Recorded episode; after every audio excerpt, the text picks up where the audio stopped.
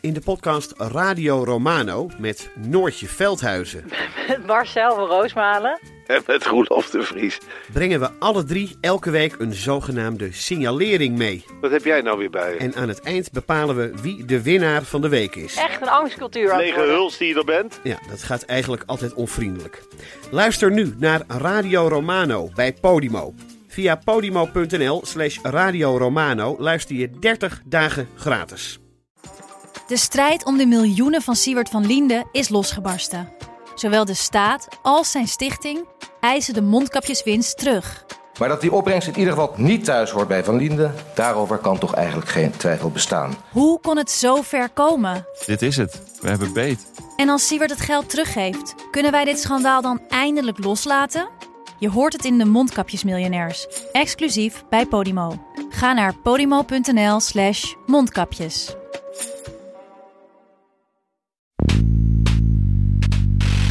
And to my darling mamma, as you begin your last great journey to join my dear late papa, I want simply to say this thank you. Dit is Betrouwbare Bronnen met Jaap Jansen.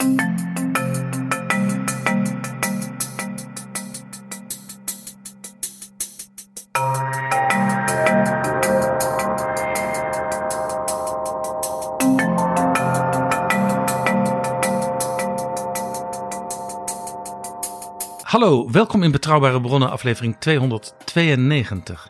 En welkom ook PG. Dag Jaap. Mensen vroegen zich al af waar je was de afgelopen aflevering. Ik hoef toch niet altijd. Ik ben maar de sidekick Jaap. We heten ook van harte welkom de nieuwe vrienden van de show Ivo en Huip. Dank jullie wel. En wil jij ons ook helpen met een donatie? Ga dan naar vriendvandeshow.nl slash bb. PG, koningin Elizabeth II, die zei over de vriendschap tussen Nederland en het Verenigd Koninkrijk... Over the many hundreds of years of our shared history, there are few nations who are able to claim a closer bond. Ten slotte was het een oranje stadhouder die koning van Engeland werd. Met de Glorious Revolution. Als je de televisie aanzet en je eh, hebt per ongeluk BBC 1 aanstaan, dan zie je al de hele week alleen maar, alleen maar gaat het over koningin Elizabeth en een beetje over koning Karel III, King Charles III. Jaap, het hoort ook gewoon tot de Europese cultuur van eeuwen en eeuwen en eeuwen. Dat het moment van overgang, want dat is het, van een dynastieke periode naar een nieuwe. Ja, dat dat als het ware een moment is ook van hele grote politieke, constitutionele betekenis. Maar ook hoort bij zeg maar, de spiritualiteit, de cultuur, de emotie van een natie. En dat geldt natuurlijk bij deze koningin heel in het bijzonder, omdat ze natuurlijk heel jong al en onverwacht op de troon kwam. Ja, En ongekend lang bleef. En in die tijd ja, een soort icoon werd. En in de recentere geschiedenis is alleen Lodewijk XIV van Frankrijk langer op de troon geweest. Maar ja, die was ook een jaar of vijf toen hij formeel koning werd. De eerste tien jaar was zijn moeder de regentes. Elizabeth werd heel onverwacht koningin hè, als jong meisje. Ja, dat was jonge in vrouw. 1952. Omdat haar vader, koning George VI, toch echt onverwacht stierf. Al was bekend dat hij longkanker had gehad, ook al geopereerd was daarvoor. En een hele zware roker was geweest. Eh, maar toch vooral ook waarschijnlijk is gestorven door de enorme stress van het koningschap. Waar hij, ja, doordat zijn broer het niet meer wilde, plotseling, eh, ja, toegeroepen werd. En ja, natuurlijk de oorlogsjaren en alles daaromheen hadden heel veel van hem gevergd. Ja, maar Elizabeth werd dus geboren eh, met, met niet het idee, ik word ooit de vorst. Nee, haar vader was zeg maar de tweede zoon van koning George V. En de oudste zoon, David werd hij genoemd, die volgde dus ook George V op als koning. Als Ja. koning Edward. Dus zij zou ja, het nichtje van de koning zijn. En misschien wel ja, met een of andere adellijke prins of anderszins trouwen en veel met paarden doen. En, en ze is dus in dat opzicht ook helemaal niet opgeleid geweest als meisje, geprepareerd op dat koningschap. Ja, toch, eh, zodra ze geroepen werd, kwam ze voor de camera en zei ze: Ik zal alles geven, of ik nu kort leef of lang leef. Maar ik zal alles geven. Toen was ze dus eigenlijk net kroonprinses. En als het ware geen kind meer. Uh, dat ze dus ook voor het eerst, als ware op het, ja, het, het filmscherm. sprak tot met name ook de jeugd. En, laat ik zeggen, de, de, de hele bevolking. Om te zeggen: dan zal ik het doen en dan zal ik het doen tot mijn laatste snik. I declare before you all, with my whole life, whether it be long or short, shall be devoted to your service. Er gaat ook een verhaal over, uh, we hadden het net over die relatie ook eh, met, met Nederland. Dat toen zij gebeld werd door Juliana dat ze van plan was te abdiceren en het over te dragen aan Beatrix. Dat ze toen met haar hoofd schudde. Dat is even gezegd typically Dutch. En de hoorn op de haak heeft gelegd. Nou, dus zo'n moment, zoals we dus nu uh, met de Britten en ook dat Commonwealth en toch ook wel internationaal beleven. Ja, dat is een moment, want dat is ja, in de Europese cultuur gegroeid. In de middeleeuwen, met name ook in de renaissance, toen je als het ware die grote zeg maar, ceremonies kreeg, die ook in de baroktijd allemaal nog prachtiger allemaal werden, hè, met Versailles en dergelijke. En ja, in de 19e eeuw aan de ene kant dus wat geregulariseerd werden. En vervolgens ook vaak met de komst van de constitutionele monarchie vereenvoudigd, maar ook daardoor politieker nog werden. Omdat er ook nog een verstandhouding tussen die vorst en de onderdanen en de politiek was ontstaan. Uh, denk 1848 Tormekke bij ons, die er daarvoor niet was. Nee, en we hebben het al vaak over gehad, PG. Eh, in al die voorgaande eeuwen kenden al die mensen uit de elite in Europa, die kenden elkaar. En op uh, vorstelijk niveau is het eigenlijk nog intensiever geweest, want die mensen waren ook voor een groot deel allemaal nog familie van elkaar. Er waren natuurlijk dynastieën die zoveel prinsen en prinsessen hadden uitgeleend aan andere vorstenhuizen, dat, ja, dat die als het ware een soort netwerk vormden in Europa. Uh, ik geef twee voorbeelden. Uh, de Deense vorsten, daar was een koning Christian, waarvan op een bepaald moment werd gezegd dat is de oom van Europa. Want die had zijn eigen kinderen, die had neven en nichten. Die, dat was een hele vruchtbare familie. Die mensen bleven ook allemaal leven. Het is blijkbaar gezond in, in Denemarken. En overal in Europa had je dus Deense prinsen en prinsessen. Die of de echtgenoot waren of de, de neef. Maar dus elk hof had je wel een paar Deense prinsen en prinsessen. Waaronder ook bijvoorbeeld in Sint-Petersburg. En ook in Londen. Dus dat was een heel machtig, minder zichtbaar netwerk. En natuurlijk het misschien wel beroemdste voorbeeld is natuurlijk het mini-huis Saxen-Coburg. Uh, dat ja, ook wel spottend de Stud Farm of Europe werd genoemd. Uh, waar natuurlijk uh, koning Leopold van België van was. Die al daarvoor getrouwd was geweest met de kroonprinses van Engeland. En natuurlijk prins Albert, de echtgenoot van koningin Victoria. Dus dat huis Saxen-Coburg, dat had overal zijn vertakkingen. En had dus een enorme invloed. Ja, hoewel het een heel klein vorstendommetje was. Koningin Elizabeth ligt nu in Westminster Hall en daar blijft ze tot maandag, de dag van de begrafenis. Mensen kunnen ook uh, tot maandag 6 uur 30 daar in de rij staan en uh, misschien een laatste groet brengen. Ze ligt in Westminster Hall op een verhoogd platform en op de kist ligt de koninklijke standaard met de rijksappel en scepter. En haar kroon. En ja, dat is wel heel bijzonder in de geschiedenis. Dus de kroon van koningin Elisabeth II. En in het midden daarvan hangen een aantal hele grote parels. En die zijn van de ornamenten van koningin Elisabeth I. Die zijn dus bewaard in de loop der eeuwen en zijn verwerkt in die kroon. Die parels van dus deze toch wel grootste koningin uit de Engelse geschiedenis, die zijn dus bewaard en uiteindelijk verwerkt. Hè, nadat ze dus in haar leven in haar oren had gedragen, in, in de binnenkant van dus de kroon van de huidige, nu gestorven koningin Elisabeth II. Shakespeare heeft wel eens geschreven: Uneasy lies the head that wears the crown. En dat is ook zo. Ja, in meerdere, is ook zo. in meerdere opzichten. Die, die begrafenis maandag, daar komen iets van 500 hoogwaardigheidsbekleders, zoals dat dan zo mooi heet. Zelfs keizer Naruhito van Japan zal daar zijn. En dat is heel bijzonder. Dat is heel bijzonder. De keizer van Japan gaat overigens net als koningin Elisabeth zelf niet naar begrafenissen van buitenlandse staatshoofden. Dan bij hoge uitzondering. Dat gold ook voor koningin Elisabeth. Dus het was ook heel bijzonder in 1993. Ik woonde toen in Brussel. Heb dat dus allemaal meegemaakt. Dat bij de zeer plotselinge dood van koning Boudewijn. Zowel koningin Elisabeth en prins Philip. Als het keizerpaar uit Japan daarvoor naar Brussel kwam. Dat was dus een in de geschiedenis uniek moment. En het feit dat dus de keizer van Japan nu naar Londen komt. Is in dat opzicht ook zeker zo bijzonder. Ja, de dood wordt, als het gaat om de keizer van Japan, als onzuiver beschouwd. Dus daar moet je eigenlijk niet mee in aanraking komen. Nee, want de keizer van Japan is een nakomeling van de godin van de zon. Dus die kan niet dood.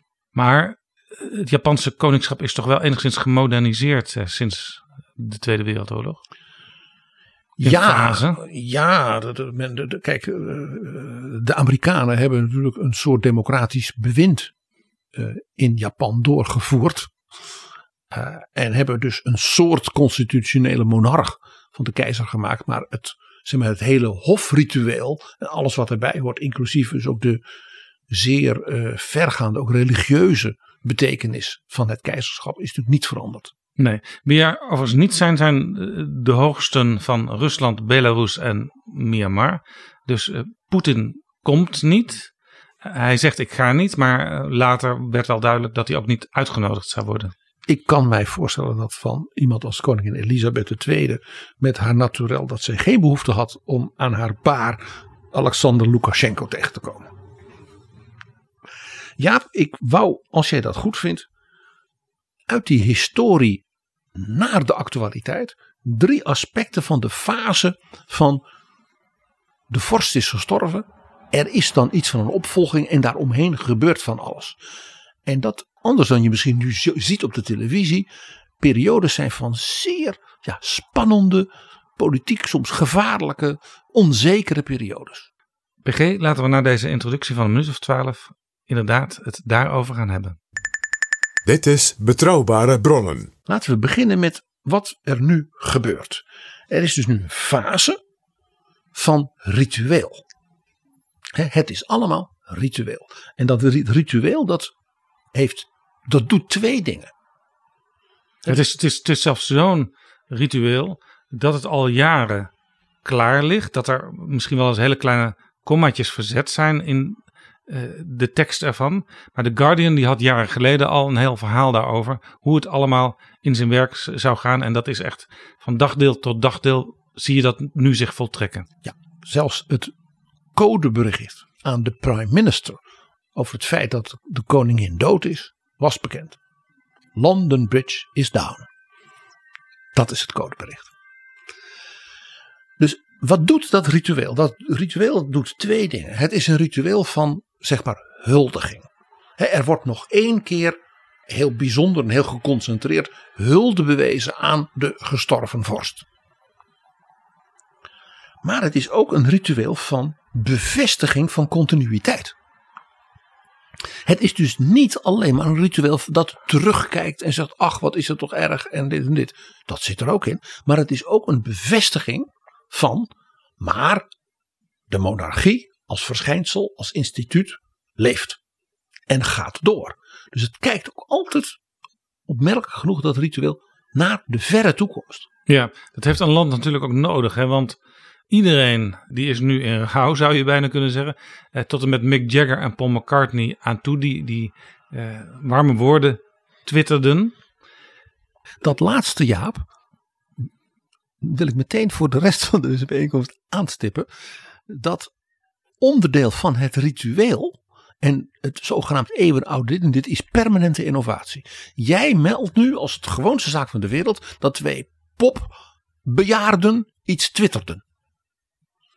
Dat is niet gebeurd toen de laatste keer de vorst van Engeland stierf, George de zesde, 1952. Toen was er nog geen popmuziek zoals we die nu kennen. Toen was er ook nog geen Twitter. En toen, maar er was wel al een monarchie en, en, een koning. En toen hadden de Beatles ook nog niet de uh, versierselen van het uh, British Empire opgespeld gekregen. Wat toen dat gebeurde toch wel enige opzienbaarde dat de koningin dat had goedgevonden. En daarin kon je dus zien dat Elisabeth dat koningschap dat hè, permanent was, voortdurend hier en daar in de marsjes en soms ineens innoveerde. En dat, dat is een punt waar ik gedurende dit verhaal vaker op zal wijzen. Dat innovatie onderdeel van het ritueel en de traditie. Want ja, wat is eigenlijk een ritueel? Een ritueel, dat is een legitieme, hè, dus door iedereen aanvaard als zo hoort het, voorspelbare context. Dus een context van een gebeuren, de dood van de koningin. En de wijze waarop we daarmee omgaan is legitiem, zo hoort het. Dat accepteren we ook allemaal. We gedragen ons ernaar, letterlijk. en het is voorspelbaar. Ja, eh, zoals natuurlijk de kerkelijke bijeenkomsten eh, ook een aantal rituelen hebben die in elke dienst hetzelfde zijn. En zoals op Prinsjesdag het de voorzitter van de Eerste Kamer is die gaat staan en roept: Leven de koning. Ja. Dat is ritueel. Hoewel in Nederland natuurlijk op, dit moment een groot bouleversement plaatsvindt. Want uh, het vindt niet meer plaats in de ridderzaal. Uh, het vond plaats in een kerk. En deze keer vindt het plaats in een schouwburg. Ook hier dus, traditie bestaat ook uit innovatie. Waarom is een ritueel nodig? Je kunt toch gewoon zeggen, ja, nou die koningin is dood en dat is heel zielig voor die familie. En een ritueel dat is nodig, want je wil orde en rust onderstrepen. want er is nu een fase van iets is voorbij en er komt iets nieuws en daarin wil je orde en rust. Ja, the king is dead, long live the king.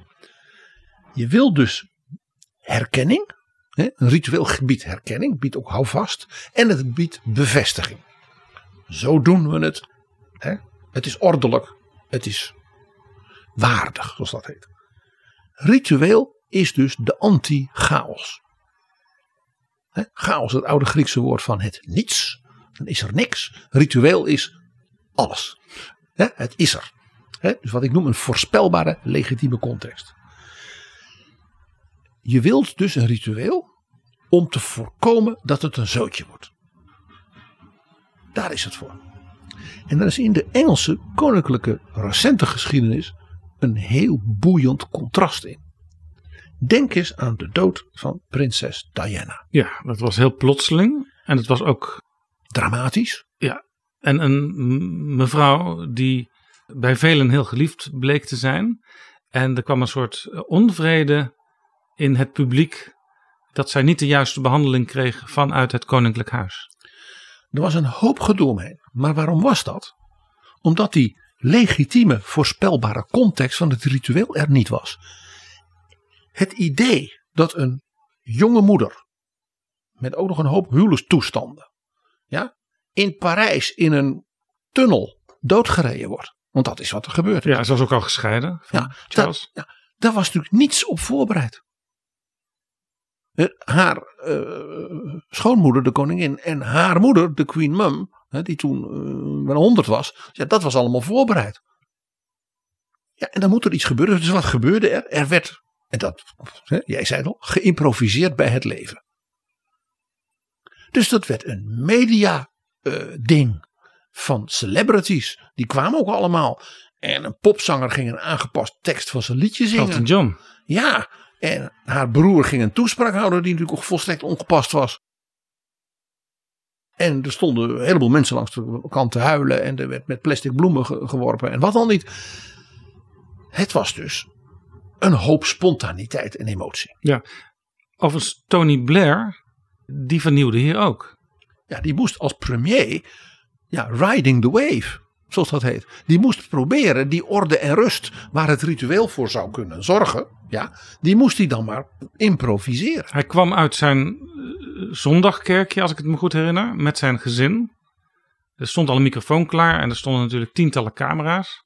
En toen zei hij: The people everywhere, not just here in Britain, everywhere, they kept faith with Princess Diana. They liked her, they loved her. They regarded her as one of the people.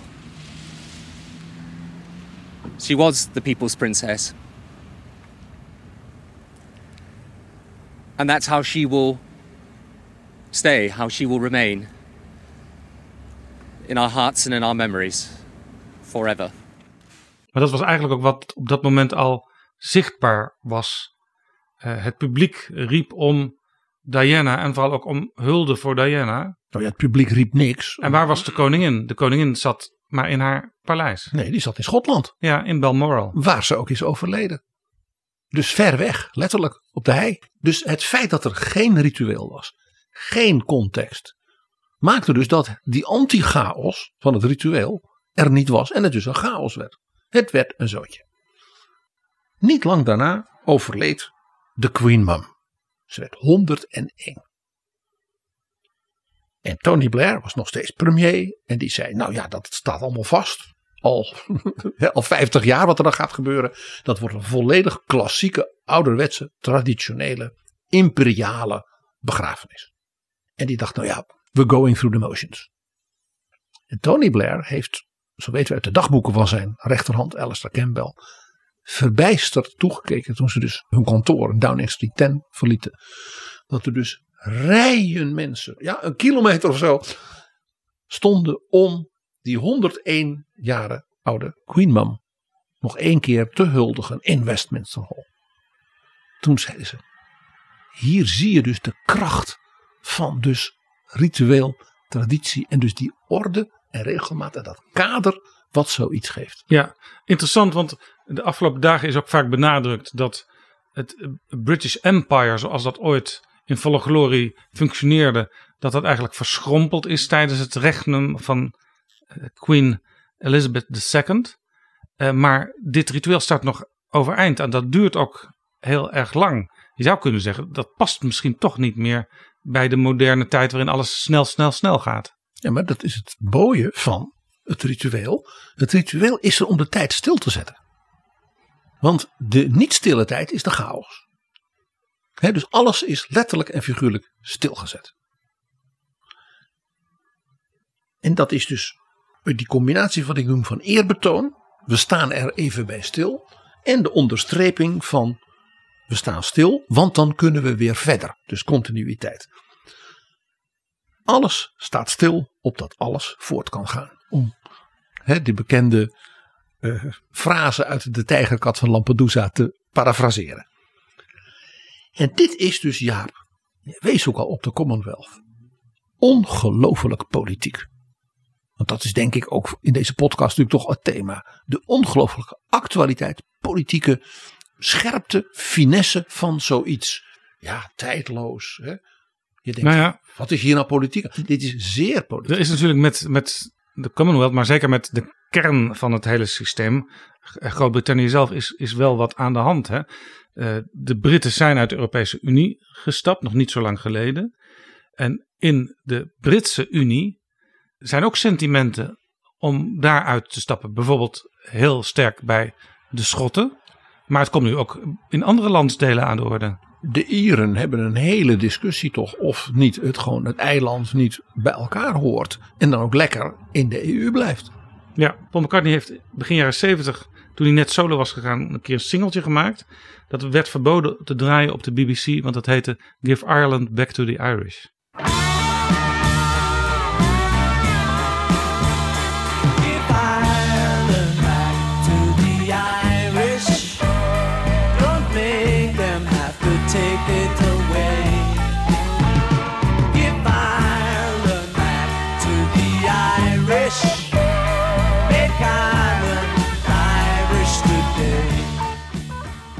Hoe politiek kun je het hebben?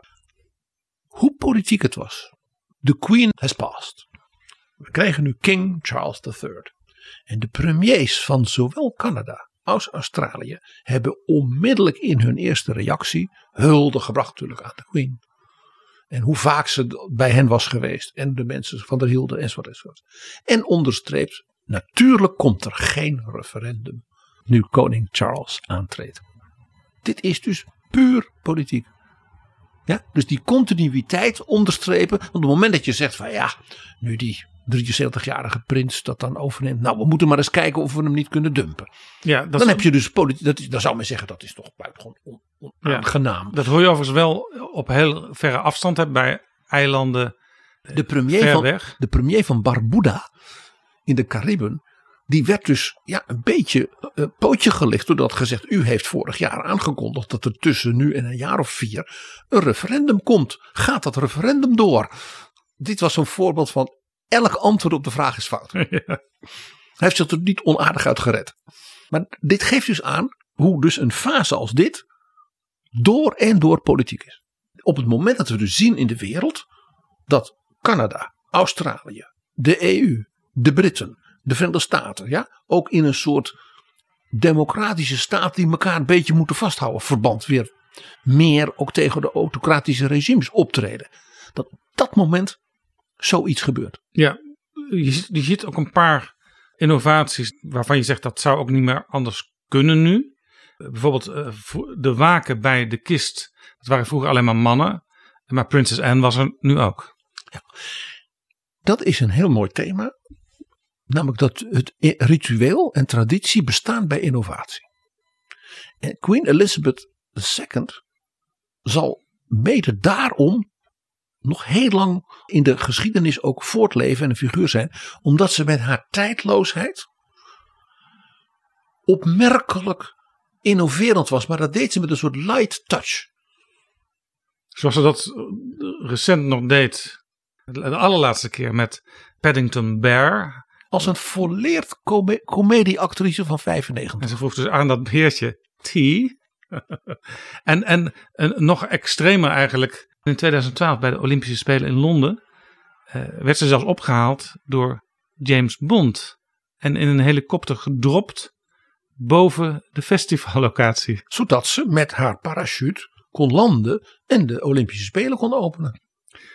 En als een volleerd dry comic actrice ja, zat ze achter haar bureau met corgis. Natuurlijk te werken aan de, hè, de, Royal Boxers. En Mr. Bond, ja, zegt ze. En ze wist dus wat ze moest doen, want ja, dat zat in haar schema. Ze moest met hem door Buckingham Palace lopen met de corgis naar die helikopter. En Boris Johnson die vertelde deze week in het Lagerhuis bij de herdenkingsbijeenkomst waar leden die iets wilden zeggen over hun band met de Queen dat konden doen. Eh, vertelde Boris Johnson.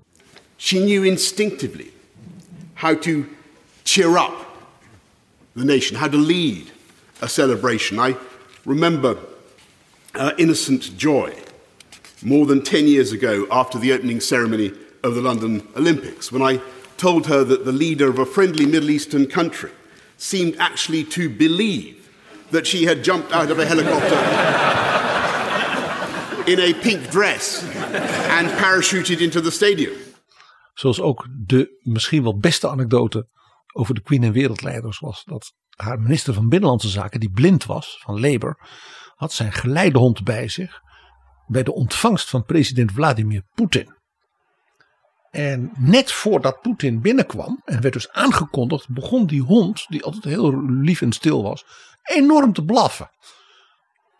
Waarop de Queen tegen deze minister zei: Dogs hebben toch hele aparte eigenschappen.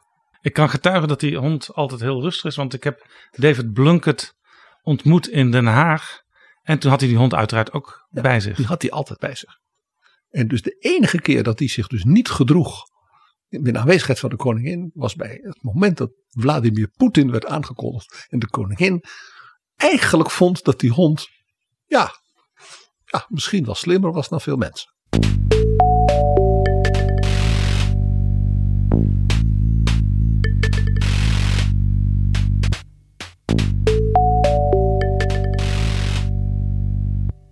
Zal ik een paar van die innovaties die we nu zien in het ritueel, waar dus de Queen natuurlijk haar toestemming voor heeft moeten geven. Dus daar heeft ze over nagedacht. Ja, dus, met haar mensen. Dus af en toe in de loop van haar eh 70 jaren, dat ze aan de, aan de troon was, eh, heeft ze eh, het team bij haar geroepen en het erover gehad. Van moeten we toch nog niet eens kijken naar wat er op dag 2, op dag 3 gebeurt? Eh, moeten we daar niet iets aan toevoegen of iets aan afdoen? Het eerste is iets hoogst politieks. Je hoort, ik blijf benadrukken hoe politiek het allemaal is. De Queen werd opgebaard in Holyrood Castle. Ze was in haar buiten in Balmoral en werd over het Schotse platteland naar Edinburgh gereden. En daar bestonden de mensen in dikke rijen.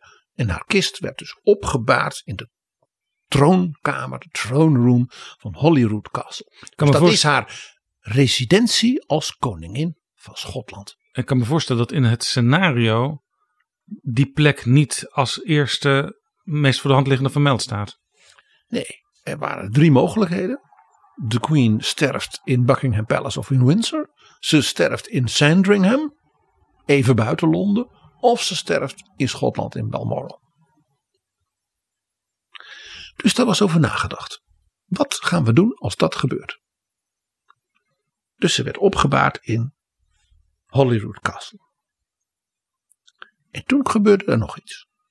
De hele koninklijke familie kwam naar Edinburgh. En de Queen werd in processie van Holyrood Castle naar de St. Giles Cathedral. Dus de hoofdkerk van de Anglikaanse kerk. In Edinburgh ge- gebracht. En daar werd dus onderstreept dat zij als koningin ook de beschermvrouw is van dus de kerk van Schotland. De Schotten hebben hun eigen protestante traditie, hè, die wat meer ook aan de Nederlandse Calvinistisch doet denken. En ook daar is zij de beschermvrouw van. En Ja, er was dus de hele koninklijke familie bij. Dus zij onderstreepte de eigenstandige rol van haarzelf, haar familie, haar geloof, haar politieke rol in Schotland. Ja, en politiek betekent dit dus ook dat het zeker de komende jaren lastig zal zijn om een referendum te houden in Schotland. Dat referendum komt er. Maar zij zet hiermee met haar overlijden en dit ritueel dus een enorm politiek statement. Ik ben tot mijn laatste snik een Schots meisje. Nou, Schotland, dat heeft mijn hart.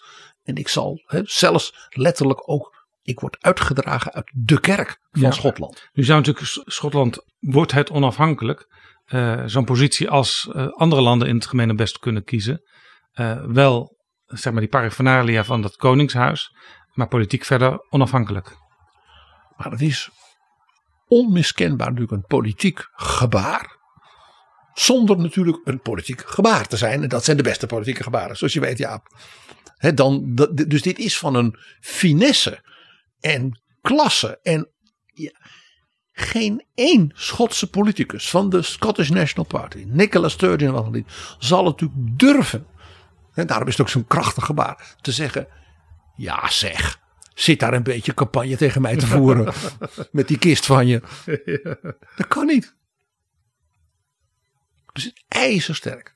We weten, met dank aan de indiscretie van David Cameron, wat de Queen vond van het idee dat Schotland onafhankelijk zou worden. Ja, David Cameron heeft haar daar ook over geadviseerd. En zelfs een beetje gebruikt. En dat vond ze prima. En dat weten wij omdat David Cameron dat zelf een hele tijd later in een documentaire heeft verteld. Laten we even luisteren.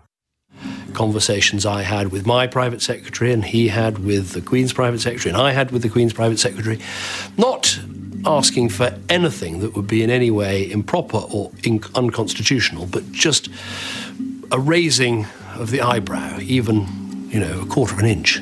We, we thought you know make a difference.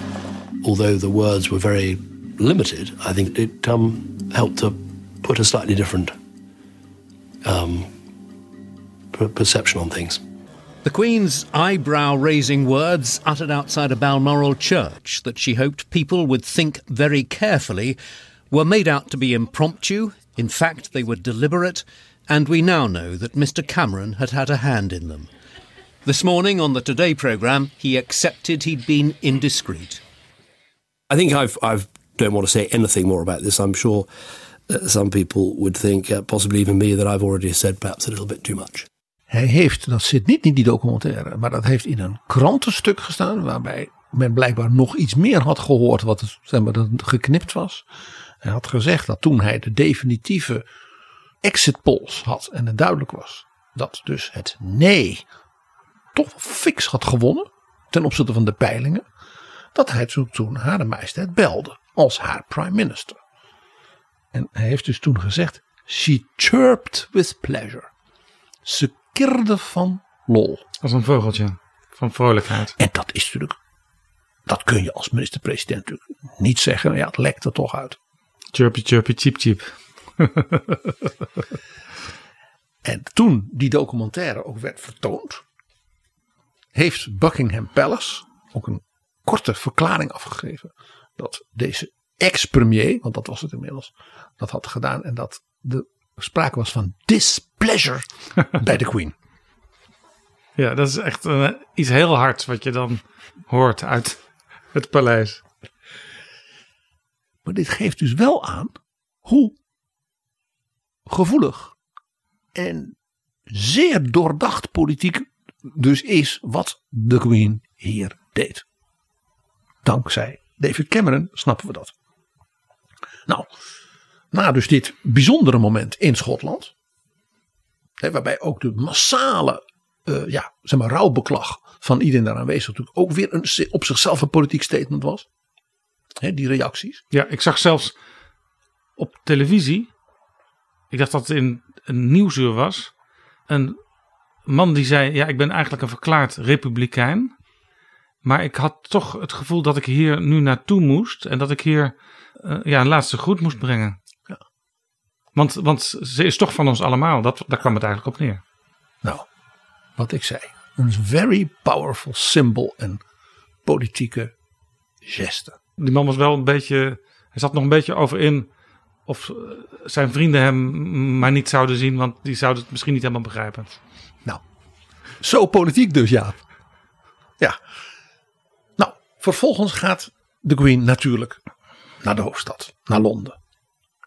En daar was het weer een soort onderstreping van het aspect, niet innovatie, maar van traditie. Want wat gebeurt er? Zij werd opgebaard in Westminster Hall. En opgebaard worden in Westminster Hall is wel zeg maar, het ultimum. De laatste die daar opgebaard was, was haar moeder. Westminster Hall maakt deel uit van het complex waarin ook het lagerhuis en het hogerhuis zitten. Ja, want dat is de Palace of Westminster, zoals dat heet. En dat was dus het paleis van de koningen en de koninginnen in de middeleeuwen en de, ook de, nou alle grote namen van de geschiedenis nadien. Uh, en daar was dus ook, daar vergaderden, nou ja, zoals bij ons op het Binnenhof de Staten-Generaal bij de vorst kwam, was dus ook zo. Men kwam dus naar het paleis van Ja. de vorst in Londen. Overigens, dat paleis is eh, grotendeels verbrand. En eh, eh, het parlementaire deel, dat is hard aan renovatie toe. Net zoals het Nederlandse Binnenhof. Alleen daar zou het geen nou, een jaar of tien duren. Maar daar zou het echt ja, on- ontelbare decennia duren voordat het klaar zou zijn. En ze schuiven het maar steeds vooruit. Ze willen die beslissing niet nemen. Nee, dat Palace of Westminster wat er nu staat, hè, wat we kennen van de Big Ben en alles, dat is dus helemaal niet oud. Het paleis van koningin Elisabeth I en al haar voorgangers en opvolgers is in 1834 volledig verbrand. Dus niets overeind gebleven op één ding na Westminster Hall. Dat is een architectonisch juweel en een ja, design, zouden wij nu zeggen, meesterwerk uit de late 14e eeuw. En is dus in de eeuwen nadat het in het, de eerste jaren van de 15e eeuw eh, ja, gereed was, gebruikt voor alle grote koninklijke politieke eh, constitutionele ceremonies van de Britse geschiedenis. Dus de Queen Mum werd daar 101 opgebaard. En Jaap, dat was dus in deze 21ste eeuw. Weet jij wie de laatste persoon was die daar voor de Queen Mum was opgebaard in 1965, dus bijna 40 jaar daarvoor? Nee. Winston Churchill. Dat is interessant, want bij al die documentaires die BBC 1 de hele week al uitzendt, eh, hoorde ik ook uh, Elizabeth eh, het een keer hebben over Winston. Zij sprak over Winston, dus niet de prime minister of meneer Churchill, maar hij was blijkbaar zo dierbaar dat hij Winston was voor haar. Ja, hij was haar eerste premier in 1952. Dat was in de periode dat hij voor de tweede periode premier was. Hij was een tijdje weg geweest, weggestemd en kwam weer terug. Ja. Was niet zijn meest glorieuze periode, want hij was eigenlijk te oud. Maar dat is een ander verhaal. Ja, Maar misschien juist uh, op dat moment bij zo'n jonge koningin die plotseling tot het ambt geroepen werd. Wel heel goed dat er zo'n ervaren premier was op dat moment. Het, het gaf meteen ook weer dat punt wat ik eerder aanstipte. Continuïteit en innovatie. En toen was zij de innovatie. Die hal van Westminster. Die, ja, die is, dat was een idee van de koning. Die wou zo'n feesthal. En hij zei, en dat kunnen we als Britten ook best betalen. Hij heeft daar een speciale belasting voor bedacht. Hij zei: iedere Brit die het koninkrijk heeft verlaten, bijvoorbeeld voor straf, hm. in ballingschap was gedaan, die kan terugkomen, maar dan moet hij daarvoor betalen. Ah. En die belasting op dus mensen die in ballingschap waren gestuurd en anderen die dus in Engeland wilden wonen, die belasting werd gebruikt om Westminster Hall te bouwen. Doet een beetje denken aan Malta en Cyprus, waar je een zogenaamd gouden paspoort kunt kopen. Althans, tot voor kort kon dat. Als Rus bijvoorbeeld. Als je maar voldoende op tafel legde en investeerde in het land. Ja, de, de toenmalige koning zei: daar kan ik mijn grote feesthal van bouwen. Nou, toen in 1834 dus die enorme brand was, is dus eigenlijk door een wonder die zeer oude houten uh, hal, want het dak is dus heel beroemd, uh, want het is helemaal van hout, dus uit de 14e eeuw. Ja, het rust, op, de, het rust op beide muren, er staan geen pilaren. Nee, het is een helemaal overspannen. In zekere zin geldt dat trouwens voor de Ridderzaal bij ons in Den Haag ook. Dat is ook, zo, ook zoiets, maar dit is veel groter. Ja.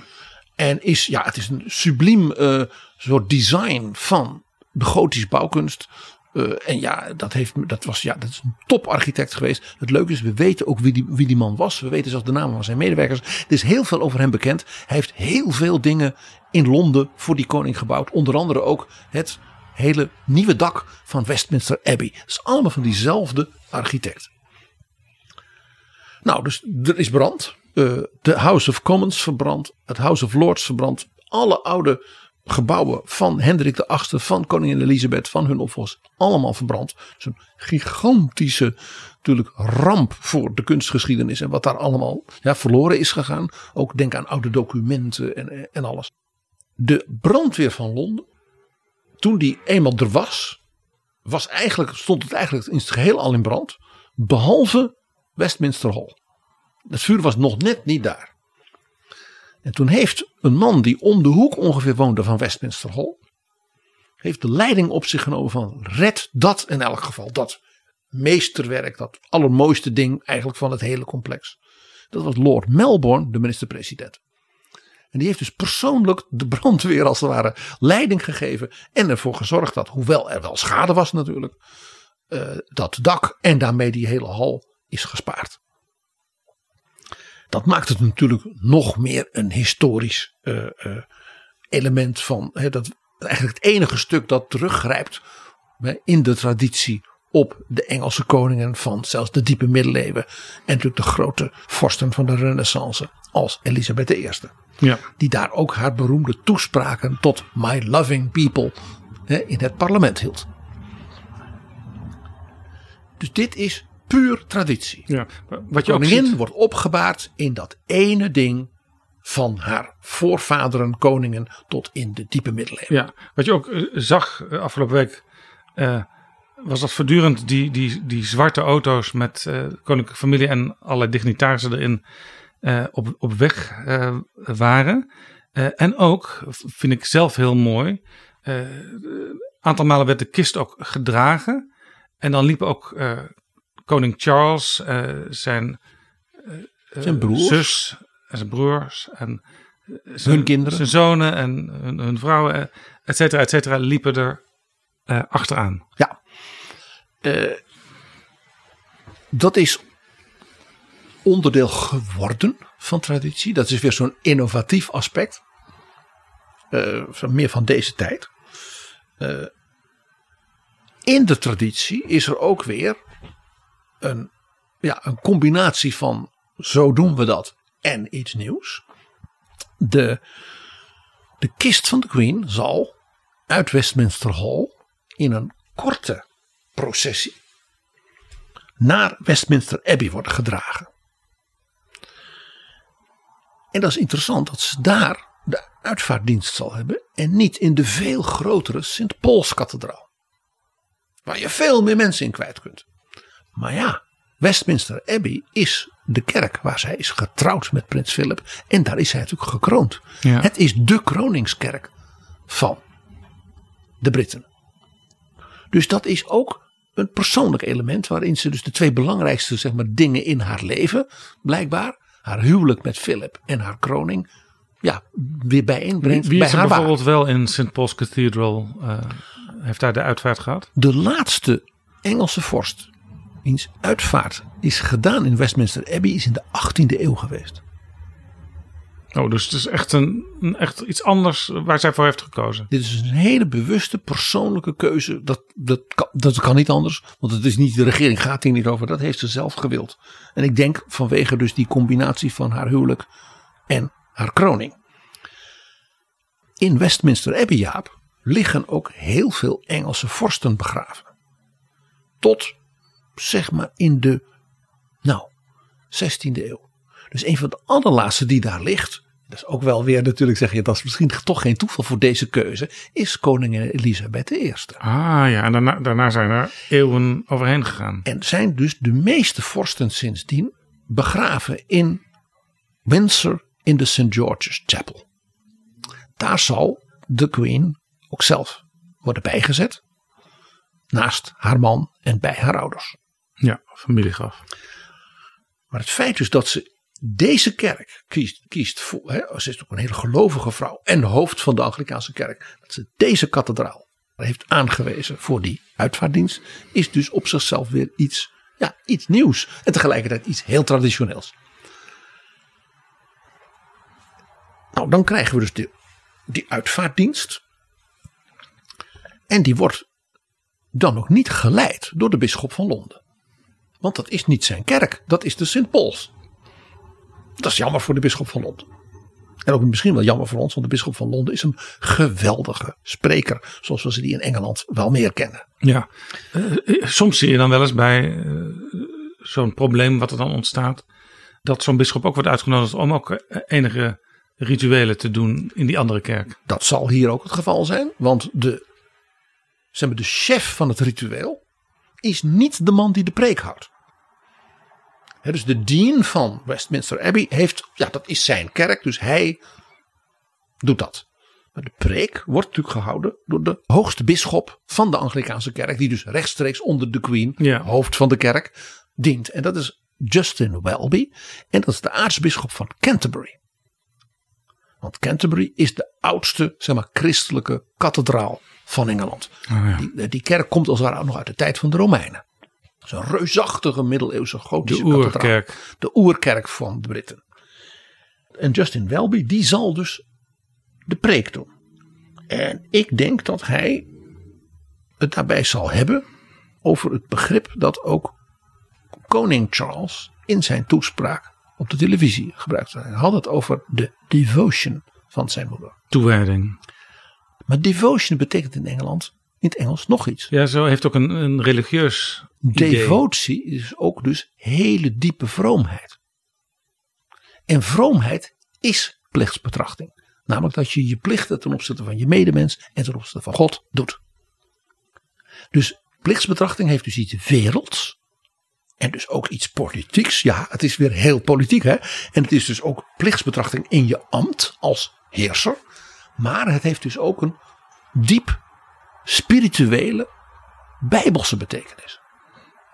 En ik denk dus dat uh, Justin Welby dat thema zal oppakken dat mensen die hun plicht doen voor de ander, voor de wereld, Ja. voor elkaar, die doen een heilig werk. Om het eens even in godsdienstige termen te zeggen. En dat dus deze vrouw in haar eenvoud, tegelijkertijd ook haar enorme functie, daarin dus als het ware dat begrip als het ware in zich droeg.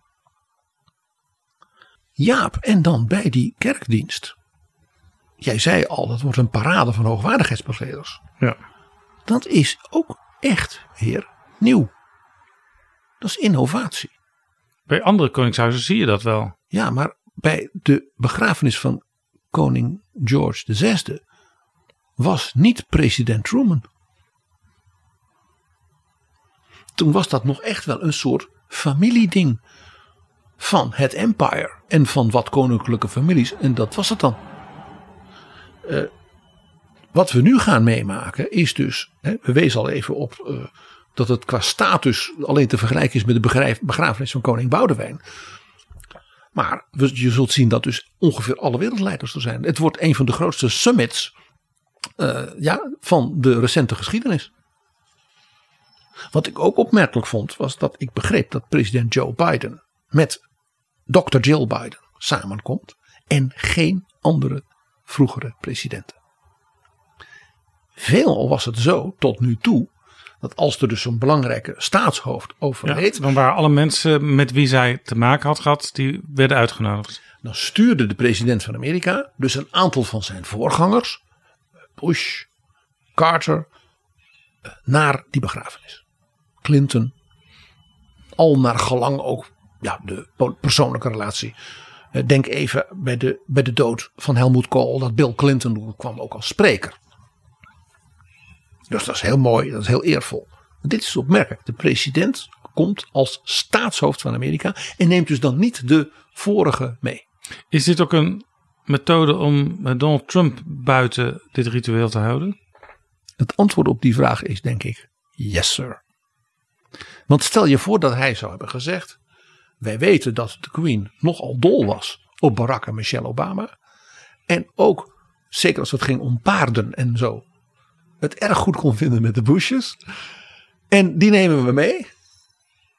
En Trump die blijft eh, golfen. Dat kan niet. Nee. Dat is, dat is, ja, dat is vervelend. Je doet er niet toe wat je van Donald Trump vindt. Maar die man is het staatshoofd Ja, ik moet ook nog even denken aan dat beeld dat Trump op, op bezoek was. En een beetje langs en voor haar liep. En Bij het afnemen van, de, van de, het eregarde. ja, het was gewoon onbeschoft. Nou, hij wist gewoon niet wat hij deed. En de Queen, die natuurlijk heel veel kleiner was dan Donald Trump. Die dan met een soort uitgestreken gezicht zo maar een beetje zo om hem heen loopt. Zodat dat ze weer conform zoals het, comme il faut, samenlopen. Ja, ik hoorde over dat het zo georganiseerd is eh, dat eh, de Beast, die, die eh, grote, Van zware, Joe, van Joe Biden. gepantserde auto, niet mm, erbij mag zijn. Dus eh, de bedoeling is dat alle koninklijke en presidentiële gasten in bussen worden aangevoerd. Ja, dus Joe Biden met Maxima. Samen in de bus. In donkere, decente kledij. Bijzondere beelden gaan dat worden. De laatste keer dus dat in Engeland, in Londen, zo'n begrafenis was waarbij alle wereldleiders kwamen, was dus in 1965 bij de dood van Churchill. Ja. Omdat toen, natuurlijk vanwege zijn rol in de Tweede Wereldoorlog, mensen als Charles de Gaulle eh, allemaal kwamen. Niemand zal daar iets van zeggen. Dus, dus dat geeft ook aan hoe bijzonder dit is. En ook dit is dus bij een koninklijke begrafenis in Engeland echt iets nieuws. Ik zeg er nog meteen bij, wat jammer voor Michail Gorbachev. Die misschien ook zo'n uitvaart en waardering uit heel de wereld had verdiend. Maar het nu dus niet kon Nee, krijgen. En de, die waardering zelfs niet volledig kreeg van zijn eigen president, die die dag iets beters te doen had. Zijn opvolger als president. Inderdaad.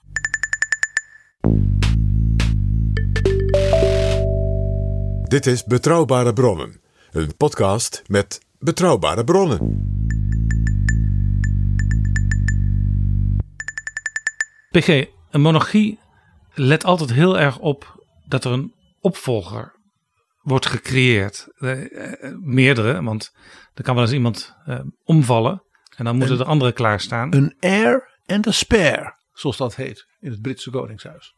En je ziet dus dat het soms eh, ja, plotseling komt, zoals bij eh, Elizabeth zelf.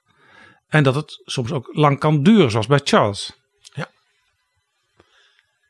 Opvolging is dus in een monarchaal systeem, dus politiek, constitutioneel riskant. Vandaar dus die na- nadruk op ritueel. Orde en rust, herkenning, bevestiging, continuïteit.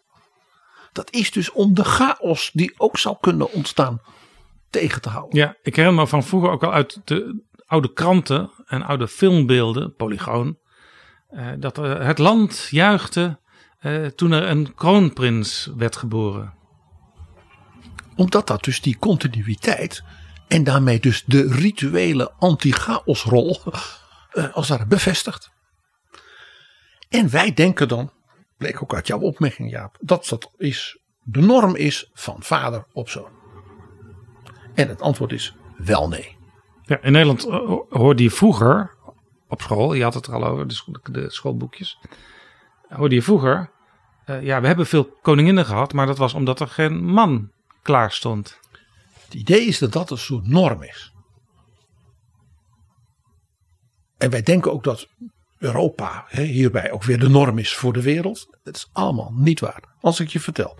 Ik ben in het schitterende Kashmir in India. In het Tibetaanse koninkrijk Ladakh geweest. Dan ben je dus de, de, de rivier, de Indus die daar stroomt, is op 3900 meter hoogte. Dan heb je dus nog 4 kilometer bergen boven je. Ja. Daar, dat koninkrijk, wordt geregeerd door vrouwen in de matriarchale lijn. Dus van moeder op dochter. En de Dalai Lama, hè, die dus de baas in Tibet was, die in Lhasa zat, hè, die erkende dus die moederlijke zeg maar, koning, koningschap daar in Ladakh, omdat zij hem erkende als de zeg maar, spiritueel leider van de boeddhisten. Ja, en hoe ging dat dan, net zoals in Nederland, dan, eh, als er geen man was, dan, dan kwam er een koningin. Hoe gaat dat daar dan als er geen vrouw is die klaar staat? Dan is er wel een nichtje.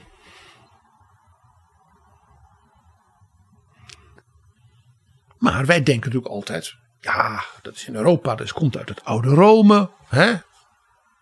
Keizers van Rome. Dat was ook niet van vader op zoon. Dat was helemaal geen regeling voor de opvolging. Julius Caesar werd vermoord. Nou, uiteindelijk na een soort burgeroorlog werd zijn neef Octavianus keizer Augustus. Die Ja. naam kreeg hij later pas. Ja. Dus de verhevene betekent dat. Die was getrouwd met mevrouw Livia.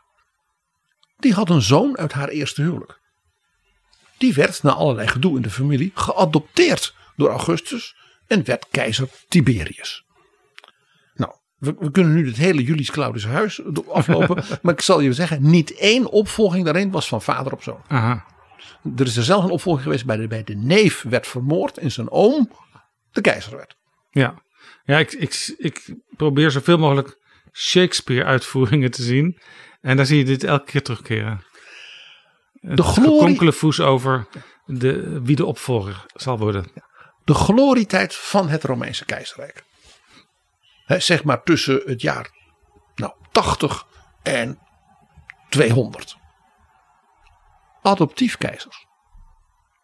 Nerva, zeer gedegen, saaie bestuurder, adopteerde een Spaanse generaal. Waarvan hij wist, die kan dat ook, maar die is ook goed in de militaire organisatie, er moet iets gebeuren. Dat was keizer Trajanus. Die adopteerde uit het dorp waar hij geboren was in Spanje, vlakbij Sevilla. Je kunt daarheen, de Romeinse stad Italica, ga daarheen. Een jongeman, en dat werd keizer Hadrianus. Die adopteerde, nou, je ziet al een weer een andere, en dat is de beroemde keizer Marcus Aurelius, de filosoof op de troon. Dus dit was de glorietijd van Rome in macht, aanzien, eh, rijkdom. eh, hè? Niet één vader op zoon. Nee, maar het was meestal wel dus aangewezen door De voorganger. de voorganger. Ja. Door een adoptie. Behalve misschien als die vermoord werd. Ja.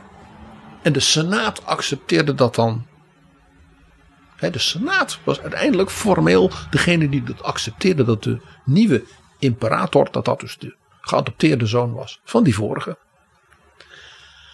Nou, Duitsland, de keizers. Jij weet, die werden gekozen. Dat was niet van vader op zoon. Hè, Karel IV, de Boheemse vorst van Praag. Die dat keurvorstensysteem bedacht en organiseerde. Wat dus in feite de grondwet werd van het Duitse keizerrijk van de middeleeuwen. Pas na 1500 was het zo dat het huis Habsburg een soort gewoonterecht kreeg. Maar zelfs daar is tussen die Habsburgers af en toe ook een Beierse keizer geweest. Ja. Nou, denk eens aan het koningschap in Saudi-Arabië of dat van de, we hebben het er een keer uitgebreid over gehad, over de Mughal heersers in India. Daar ging men in de familie of elkaar vermoorden. Bij de Mughal gingen de neven en de broers, die hadden allemaal een leger en die vochten met elkaar. En de winnaar, die, die, die werd het. we hebben, ik heb toen verteld over Akbar, die, wat was hij, 12. Maar al zo'n briljante generaal was dat hij won. En uh, ja, dat was zo'n persoonlijkheid. Dat hij er zo'n 50 jaar op de troon zat. Ja. Maar ja, al zijn neven had hij dus of vermoord. Of wat ze in India deden, dan werd zo iemand blind gemaakt. Dus dan kon je niet meer heersen. Nou, bij de Saoedi weten we ook hoe dat gaat. Die prinsen, allemaal familie of nakomelingen van de oorspronkelijke prins Ibn Saud. Die gaan daar bij elkaar zitten en dan wordt er gelobbyd en gestreden en gedit en gedat in de familie. En uiteindelijk komt er dan één bovendrijven. Maar dat is dus een hele volkstam van honderden mensen die dus onderling haat en nijd en corrupt en wat dan niet.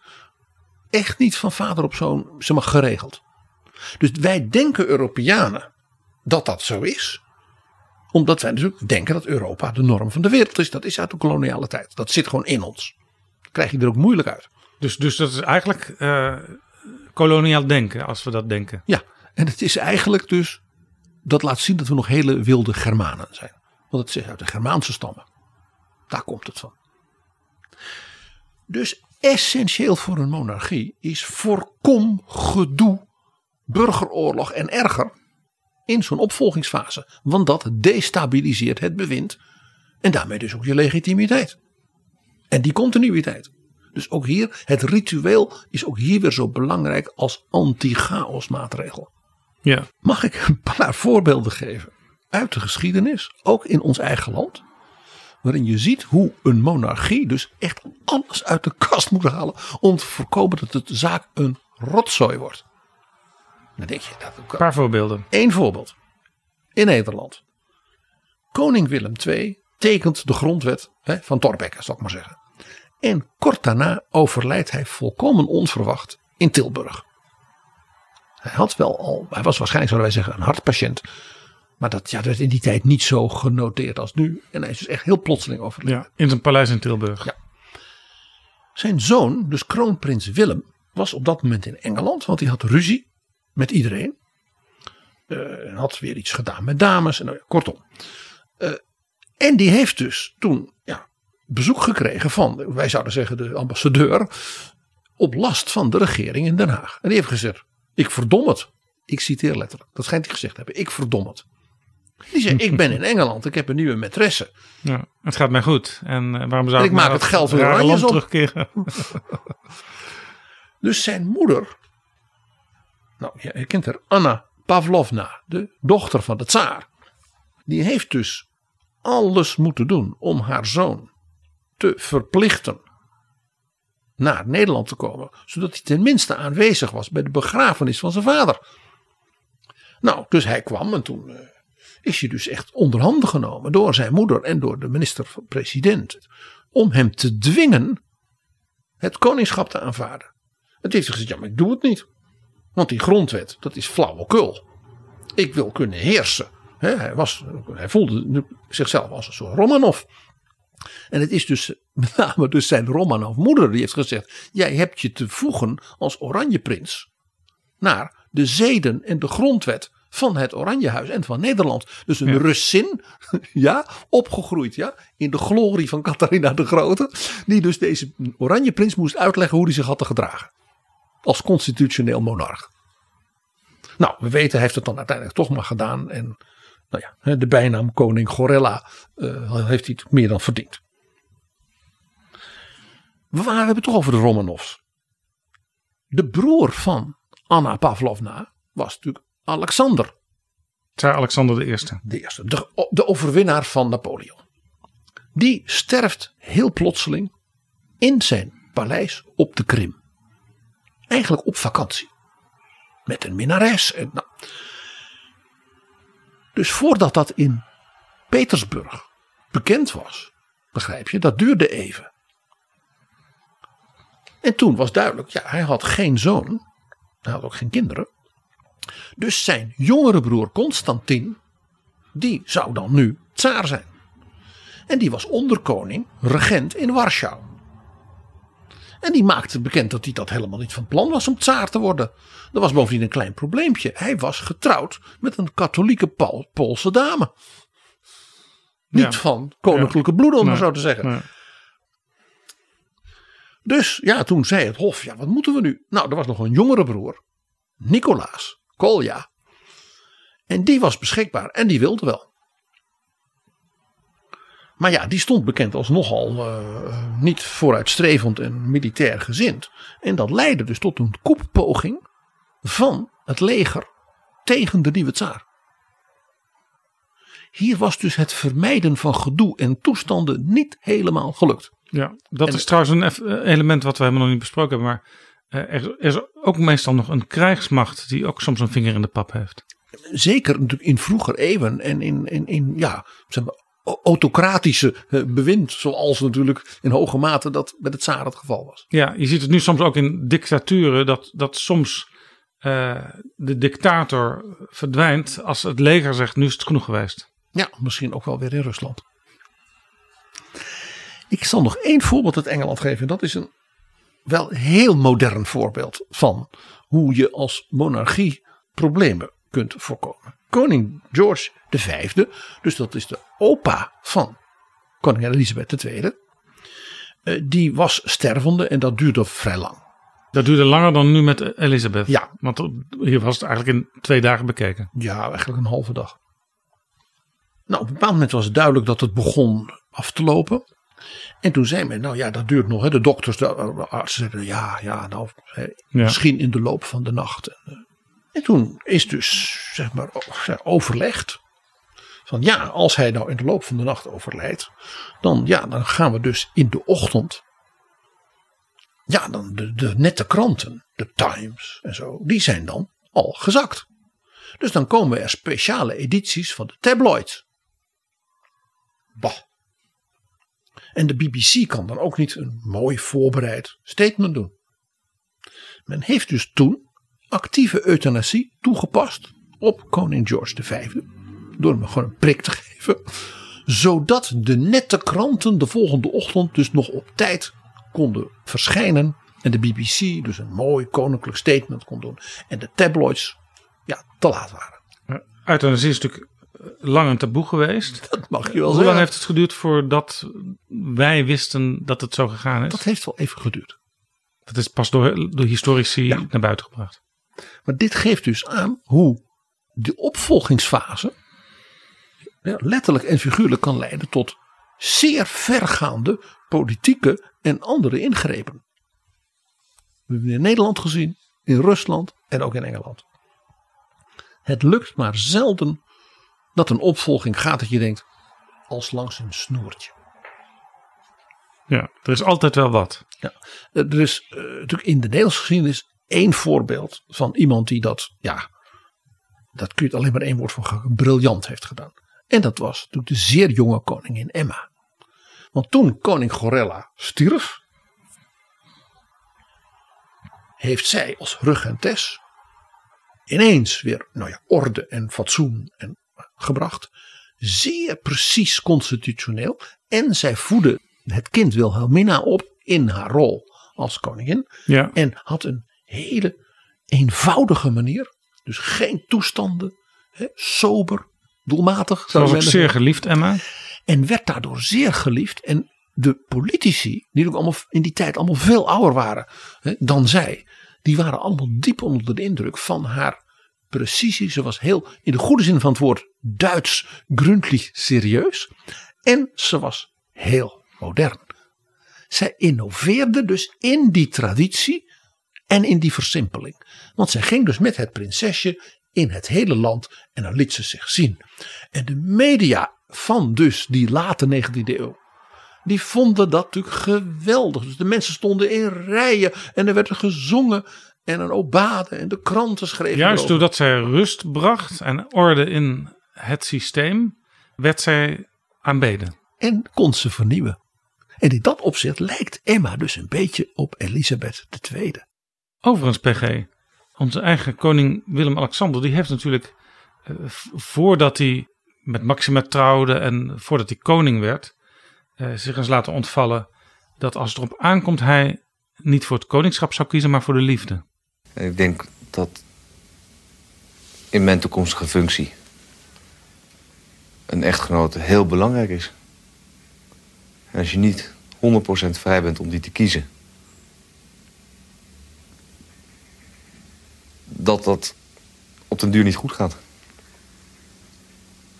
Dus je voelt zich volledig vrij op dat terrein. Ondanks Eh, het feit dat uiteindelijk keuze door het parlement goedgekeurd moet worden. Ja. Dat zou me niet tegenhouden. Dat is ook alweer zo'n voorbeeld van eh, een dubbeltje kan zomaar de andere kant opvallen. Ja, maar hij heeft ook gezegd dat hij als koning zich meer spiegelde qua rol aan Juliana, zijn grootmoeder, dan aan zijn moeder Beatrix. Als ik ze nu vergelijk, eh, als ik Willem-Alexander aan het werk zie, dan eh, moet ik eigenlijk concluderen dat Willem-Alexander weer een heel eigensoortig koning is. Maar dat weet je soms pas heel veel later. Hè? Zoals je ook pas heel veel later begreep hoe koning George V op zijn sterfbed aan zijn end kwam. Ja, en helemaal als er uiteindelijk eh, van die mooie boeken verschijnen, zoals de laatste jaren verschenen zijn over eh, de koningen en natuurlijk ook over Willem van Oranje. Het werk van de historici is nooit gedaan, Jaap. Hoi, Marissa hier van Vriend van de Show. Wij zijn de thuisbasis van ruim 200 podcasts. En ook van de show waar je nu naar luistert. Als je met plezier luistert, overweeg dan eens om vriend te worden. Dat kan al voor de prijs van een kopje koffie per maand. Het maken kost tijd en geld. En alleen met jouw steun kunnen zij onafhankelijk en regelmatig podcast blijven maken. Iedere show begint klein. Dus heb je een duppie over? Ga naar vriendvandeshow.nl en word vriend. Vriendvandeshow.nl PG, we hadden het over de opvolging. Het is ook altijd zo dat als de koning of de koningin dood is, dan wordt er al snel geroepen long live the king, de nieuwe. Je zag soms ook mensen nu twijfelen de afgelopen dagen langs de kant van de weg. eh, moeten we zingen eh, God save the queen of God save the king? Want ze wilde eigenlijk toch nog steeds voor Elisabeth zingen. Maar eh, hij is pas echt in de belevenis van iedereen, in de, in de beleving, koning, als de koningin is bijgezet. Ja, het bijzetten van de vorstelijke persoon, ook als sterfelijk mens, is dus ook weer, ja, net als met die opvolging, uitermate politiek. Want, wat doe je met zo'n kist? Met dat lijk, om maar even zo te zeggen. Dat is iets van de natie, maar het is ook van de familie. Ja. En het is ook voorbij. ja, dus het is iets heel gevoeligs. Ook politiek dus ingewikkeld. Je zegt het een beetje plastisch, PG. Het is zo. Wat doen we met dat lijk? Doet me denken aan van die Hollandse blijspelen waar plotseling een lijk verborgen moet worden. Ja, schaam je. Dat zijn vaak komische toneelstukken uit Engeland, maar dit terzijde. Ja, met veel klapperende deuren. Ja. Waar het om gaat natuurlijk is dus dat bijzetten moet ook zelf weer betekenis geven aan dat moment. En dus als het ware ook de afsluiting van dit was onze vorst en dat is nu voorbij. En als het ware ook weer zeggen en het is dus nu over. En daarmee bevestigt het ook weer de continuïteit. Hè? Alles ligt stil, opdat alles door kan gaan. Er is een heel mooi voorbeeld van die ene vorst die nog langer regeerde dan Elisabeth II. Louis XIV van Frankrijk. Die stierf op 1 september 1715. De avond daarvoor had hij nog afscheid genomen van Madame de Maintenon. Dat was in de laatste jaren van zijn leven zijn geliefde geweest. 1 september overleed hij. Hij werd op 23 oktober, dus dat was zes weken later, bijgezet. Want in die tussentijd was dus een hele serie ook staatkundige ceremonies. Waarbij dus uit heel Frankrijk de adel en de kerk allemaal afscheid van hem hadden genomen. En pas op die 23 oktober werd hij dus met zijn kist naar Saint-Denis gereden. Bijna twee maanden later. Ja, want in Saint-Denis, de kathedraal noord van Parijs, liggen eigenlijk alle Franse koningen begraven. Met enorme praalgraven, ook sublieme beeldhouwkunst uit ja, vanaf de middeleeuwen tot, uh, tot in de 18e eeuw. Daar werd hij dan in de crypt gelaten, met op de plek waar dan zijn monument daarna gebouwd zou gaan worden. En de grootmeester van Frankrijk, dat was dus de allerhoogste adellijke figuur aan het hof na de koning, die mocht toen ja, vanuit zeg maar, het altaar in de kerk de menigte toeroepen: Le roi est mort, vive le roi. Dus pas op dat moment, zes weken na zijn fysiek overlijden, was hij echt dood. Ja, ja dat, dus dat is dat heel is dus, politiek. Dat is dus een politieke dood. Ja, ja.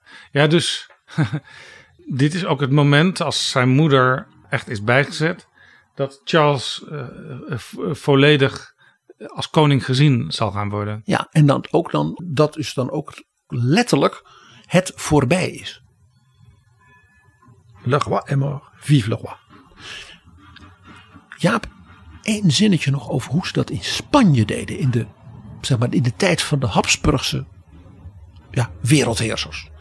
Daar zeiden ze als de koning dood was.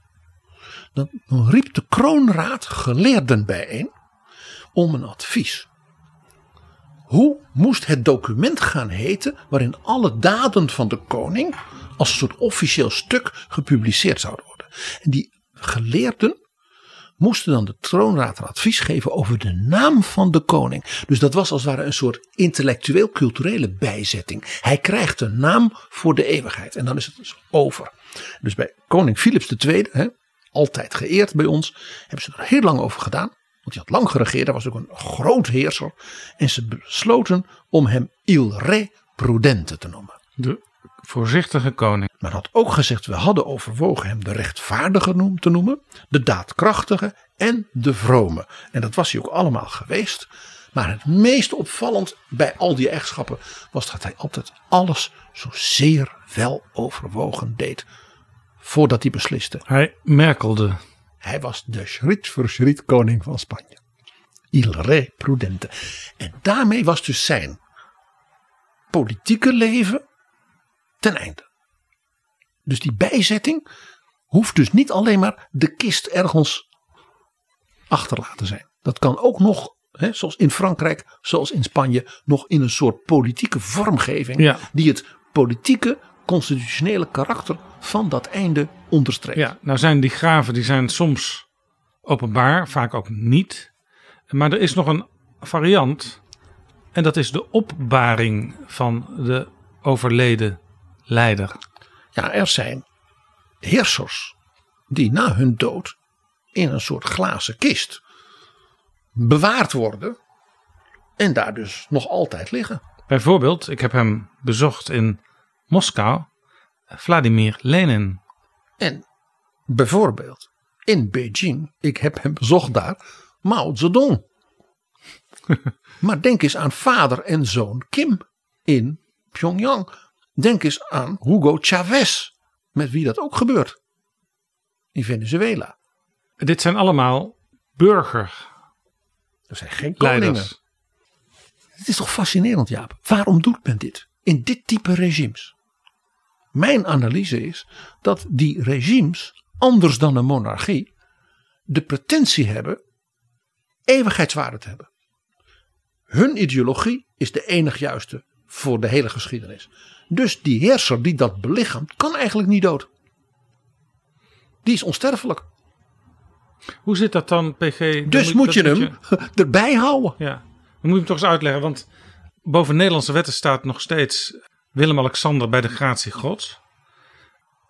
deze mensen, als het regime eeuwigheidswaarde heeft, ja, die, die, die claimen in feite helemaal uh, dat zij uh, namens God daar zitten. Nee, want die ontkennen ze. Het zijn meestal communistische Nou ja, regimes. Ze ontkennen het, maar uh, de ideologie. Het idee bij mensen Ja. is. De ideologie dit is, is een heilige figuur in Ja. onze nationale geschiedenis. De ideologie die hij belichaamt, allemaal mannen, is onsterfelijk. Want waar? De gratie gods, ja, betekent precies het omgekeerde. Dat zegt Willem-Alexander, Elisabeth is een sterfelijk mens met alle dingen die ieder mens heeft. Dus zijn zonden, zijn talenten, zijn fouten, zijn... Vul maar in.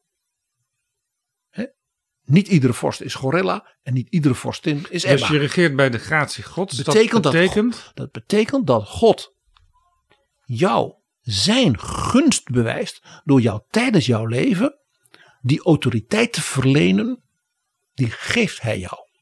Die heb jij niet ja. van jezelf. Er zit een zekere nederigheid in. Dus. Ja, jij mag dat doen. Zoals Juliana bij haar inhuldiging zei. Sedert eergisteren ben ik geroepen tot een taak die zo zwaar is dat niemand die zich daarin nog maar een ogenblik heeft ingedacht haar zou begeren. Maar ook zo mooi dat ik alleen maar zeggen kan, wie ben ik dat ik dit doen mag. Dat was heel zuiver. Want zij zei, ik krijg nu die genade van mijn schepper, die 50 jaar lang die moeder van mij met dat enorme karakter heeft gekregen. dus de gratie gods betekent, u mag dat doen zolang u leeft. En u bent een sterfelijk mens en u maakt fouten. En u heeft mooie karaktereigenschappen en misschien ook wat minder. En u heeft grote talenten en bij andere dingen bent u helemaal niet goed in. Zo is het en zo bent u geschapen. Dus u heeft juist geen claim op onsterfelijkheid, goddelijkheid, almacht. En dat was natuurlijk precies het omgekeerde van, nou ja, de familie Kim en Mao Zedong en Lenin. Ja. PG, tot slot. Laten we ook even naar de moderne tijd kijken. De, de, de, laten we zeggen, de democratische tijd. Jij zei al, het, het spijt je, en het spijt mij ook, dat Gorbachev eigenlijk eh, niet op een, op een volwaardige manier ja, waardig en eervol. Maar wat, wat, wat gebeurt er met mensen die veel betekend hebben voor bijvoorbeeld de geschiedenis van Europa? Nou, je ziet dus dat Europa nog jong is. De, die traditie van ritueel is er nog niet. He, toen Churchill stierf, dat konden de Britten. Westminster bids solemn farewell to the great commoner. This winter morning, the chimes of Big Ben announce the beginning of the state funeral. The lying in state is finished. Now starts the slow journey to St. Paul's. For two crucial periods in modern history, Winston Churchill was First Lord of the Admiralty. It is doubly appropriate that on his last passage through the capital, men of the Royal Navy should draw the gun carriage. A generation ago, the whole fleet warmed to the signal, Winston is back. In all this moving observance, Britain marks her respect, admiration, and above all, her affection for her greatest son.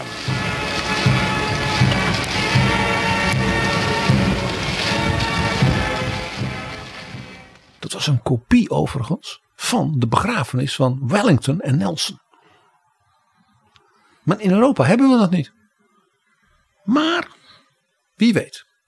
Jij weet nog dat in 2017 overleed Helmoet Kool. Ja, de, de, de man natuurlijk uh, van de, de Wiedervereniging. Wiedervereniging van Duitsland. En ook van Europa. Betrokken dat... ook bij de val van de muur, uh, al die andere dingen. Die kreeg een grote bijeenkomst, een herdenkingsbijeenkomst, in het Europees Parlement in Straatsburg, stad op de grens van Frankrijk en Duitsland. En hij werd uitgeluid met toespraken door natuurlijk de gastheer, de voorzitter van het Europees Parlement, zijn politieke vriend en ook wel een beetje zijn politieke zoon, de president van de Europese Commissie, Jean-Claude Juncker. Een schitterende toespraak was dat. De Franse president, Macron. de Russische leider Medvedev, de oud-president van de Staten Bill Clinton, mooi persoonlijk verhaal, natuurlijk bondskanselier Angela Merkel. Hij heeft ook mijn leven ja, volledig Ja. veranderd. Jij noemt... En Felipe González, de Spaanse oud-premier, geen partijgenoot, maar die als bewonderaar en Europese vriend tot Helmoet Kool sprak, was ook heel bijzonder. Ja, jij noemt overigens Medvedev. Die was toen nog eigenlijk wel deel van de Europese familie. Die sprak ook. Ja. En nu eh, eh, twittert hij de vreselijkste dingen over, over ons, over Europa. Dus wat met Kool gebeurd is, dat zou ja, misschien het begin van een traditie kunnen zijn. Eh, je zult het mij niet kwalijk nemen als ik wel eens denk van wat zouden we nou doen als de nu inmiddels 97-jarige Jacques Delors overlijdt. Eerburger van Europa, zoals Kool en Jean Monnet. Ik zit ook wel eens te denken, Lech Walenza is 79. Dat vind ik ook iemand van grote Europese betekenis. Die eenvoudige havenarbeider in Gdansk, die met zijn vrienden een democratische vakbond begint. En die, nou ja, tegen de klippen op, hè, enorm geïnspireerd door natuurlijk Karol Wojtyła, hun Poolse paus, Ja, PG, er iets van zien. maakte. We gaan het zien. Eh, maar de hele lading eigenlijk van deze aflevering is... eh, je hebt tradities, je hebt rituelen. eh, maar tradities en rituelen worden altijd uitgevonden... en worden ook in de loop van de tijd weer aangepast, uitgebreid, ingekort. Zijn allemaal levend staatsrecht en levend cultuurgoed. En daardoor behouden ze dus ook hun actualiteit. Terwijl je zegt, het is allemaal traditie en oud.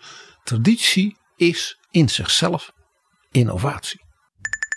Dit is Betrouwbare Bronnen.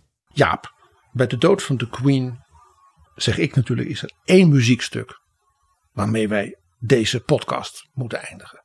Iets van Queen misschien? Of iets van The Beatles, Her Majesty's a Pretty Nice Girl. Her Majesty's a pretty nice girl, but she doesn't have a lot to say.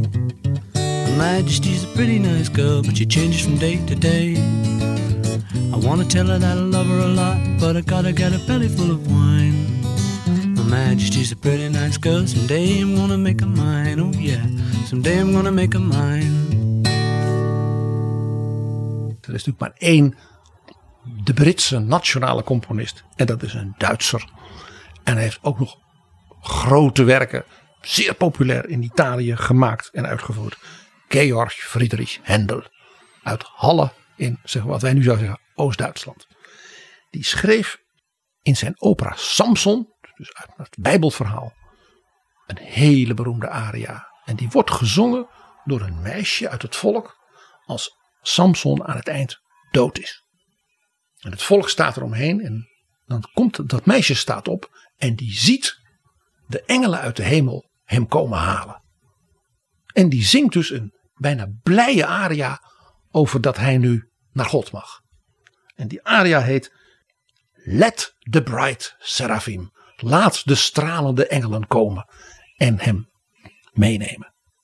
Het is zeer Engels. Het is een van zijn meest geliefde opera's. En het was een, echt maar een lievelingsaria van weer de lievelingsdiva van de Royal Family. En dat was een Maori meisje uit Nieuw-Zeeland, dus uit de Commonwealth. Die hebben ze ook in de adelstand verheven. Dame Kiri Te Kanawa. Dus ik dacht, wij laten Dame Kiri Hendels schitterende aria Let the Bright Seraphim zingen. Want dat past helemaal bij dit moment.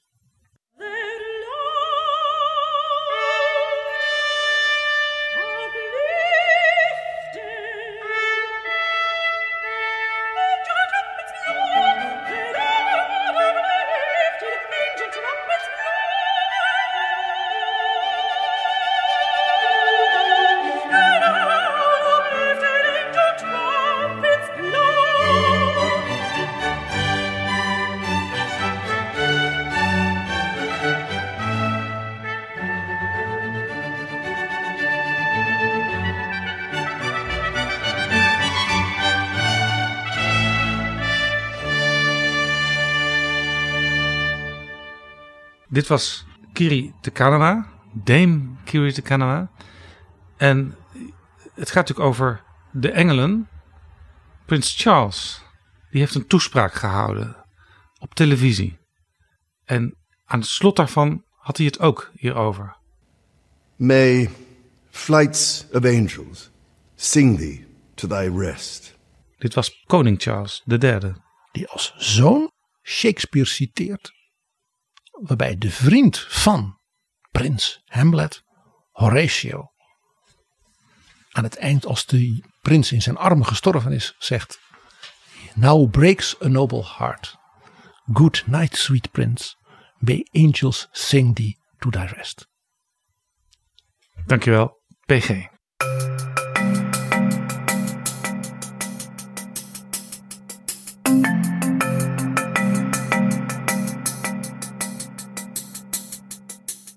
Zo, dit was Betrouwbare Bronnen, aflevering 292. Deze aflevering is mede mogelijk gemaakt door de vrienden van de show.